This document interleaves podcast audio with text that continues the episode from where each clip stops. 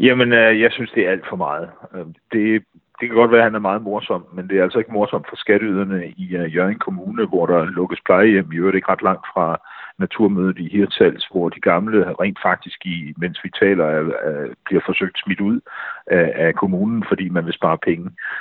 Jeg synes ikke, det er i orden. Nu er naturmødet i sig selv er sådan set en god opfindelse og et godt påhit og en god begivenhed.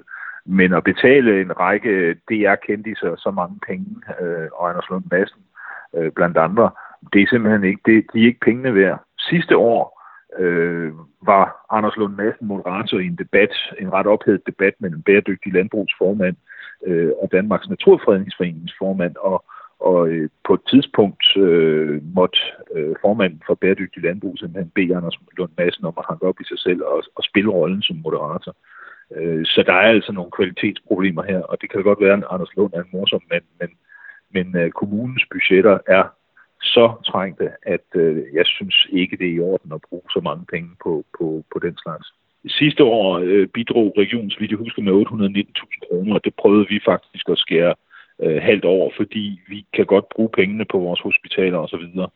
Øh, i stedet for. Så, øh, så vi, vi, øh, vi støttede sidste år, og jeg tror, vi støttede med 19.000, og det er også for mange penge. Men det er også lidt træls på en måde, fordi naturmødet er sådan set en god begivenhed, men det skal bare ikke blive sådan en, en, en, øh, en, en, en uh, fest for grønne organisationer, der, der ligesom holder fest på skatteydernes bekostning. De må, der, de må lægge noget mere selv. Det, det burde kunne bære i sig selv.